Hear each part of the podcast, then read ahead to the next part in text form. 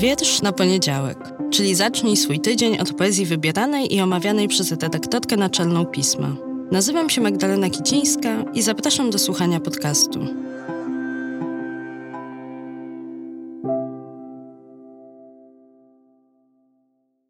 Partnerem Wietrza na poniedziałek jest Instytut Kultury Miejskiej, organizator festiwalu Europejski Poeta Wolności, który odbędzie się od 17 do 20 kwietnia 2024 roku w Gdańsku. Cześć, dzień dobry, dobry wieczór. W dzisiejszym odcinku chciałabym pochylić się nad tematem, który zajawiła pani Weronika na naszej zamkniętej grupie Czytamy Pismo, do której zapraszamy wszystkie osoby, które nas prenumerują. Pani Weronika zapytała, jak czytać poezję. No, to jest bardzo trudne i bardzo ważne pytanie, i w pewnym sensie pochylam się nad nim od samego początku tego podcastu, bo on po to tutaj jest, po to, żeby o poezji mówić i żeby z nią oswajać tych, którzy z różnych powodów, przez doświadczenie szkolne, przez to, że od dawna po poezję nie sięgali, mają z nią pewien kłopot, mówiąc najłagodniej. Przez bez mała 200 odcinków powtarzam, że nie jestem krytyczką literacką, a entuzjastką poezji. Nie umiem jej analizować, choć często po takie analizy sięgam, żeby dowiedzieć się więcej, ale sama nie umiem inaczej niż własnym czuciem, a nie szkiełkiem do poezji podchodzić. I to jest moja odpowiedź, to pierwsza sobą, bez presji, by czytać dobrze, czy tak jak trzeba. Bo tak jak nie da się źle zobaczyć obrazu czy rzeźby, tak nie da się źle odczytać wiersza. Nie ma jednej właściwej interpretacji. Ona się dzieje w procesie czytania, w procesie bycia z tekstem, w tym, czy on nam coś robi, czy nie. Czy sprawia nam przyjemność jego czytanie, czy nie.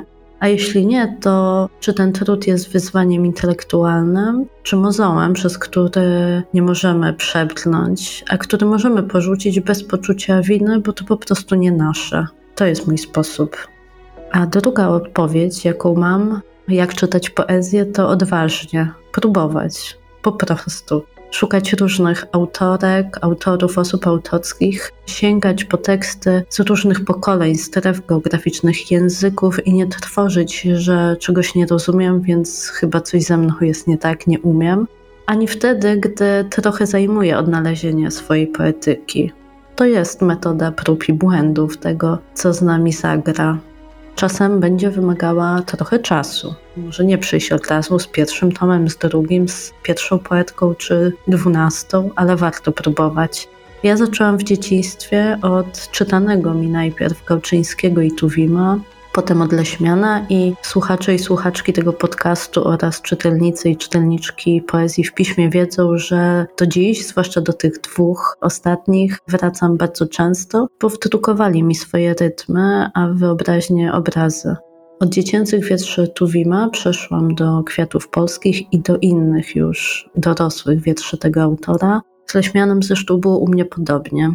To też może być jakiś trop, powrót do tego, co kiedyś raz już na nas zadziałało. Inna ścieżka to spojrzenie na teksty piosenek. Można je traktować jako wskazówkę, jakiego rodzaju komunikaty skondensowane w formie innej niż proza do nas trafiają. Wielu autorów i autorek tekstów, również w języku polskim, jak Osiecka, Młynarski, Nosowska, Łona, Paweł Sołtys, tworzy teksty, które dla mnie mają w sobie dużo poetyckiego ładunku, nie mówiąc już w ogóle o rapie, o hip-hopie. Sprawdzam, dlaczego na mnie tak działają. Może to powie coś o kierunkach poetyckich poszukiwań, w które warto się udać. Jest też, i to kolejna wskazówka, przepastne już archiwum pisma, bo z uwagi na to, że publikujemy poezję od sześciu lat, mamy już bardzo bogate zbiory wierszy polskich, zagranicznych, w przekładzie oryginalne, bardzo współczesne, ale też i te pisane w poprzednich epokach. Zapraszam, żeby do tego archiwum zaglądać. Co miesiąc jest uzupełniane o kolejne wiersze. A dzisiaj z dedykacją dla wszystkich osób, które mają w sobie odwagę sięgania po poezję i z wdzięcznością za to, że to robicie, wiersz o tym, dlaczego jest ona niezbędna do życia. Trzymajcie się ciepło.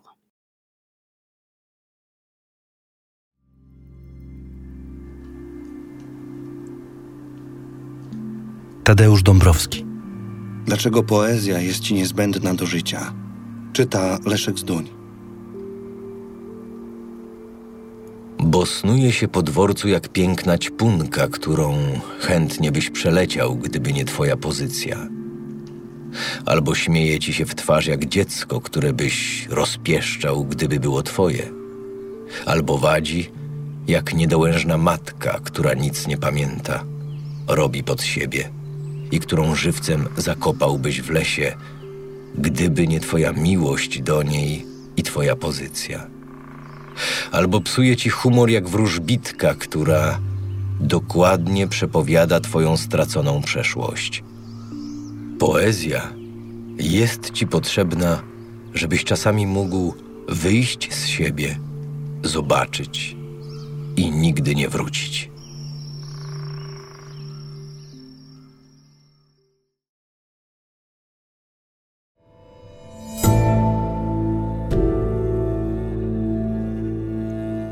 Pismo.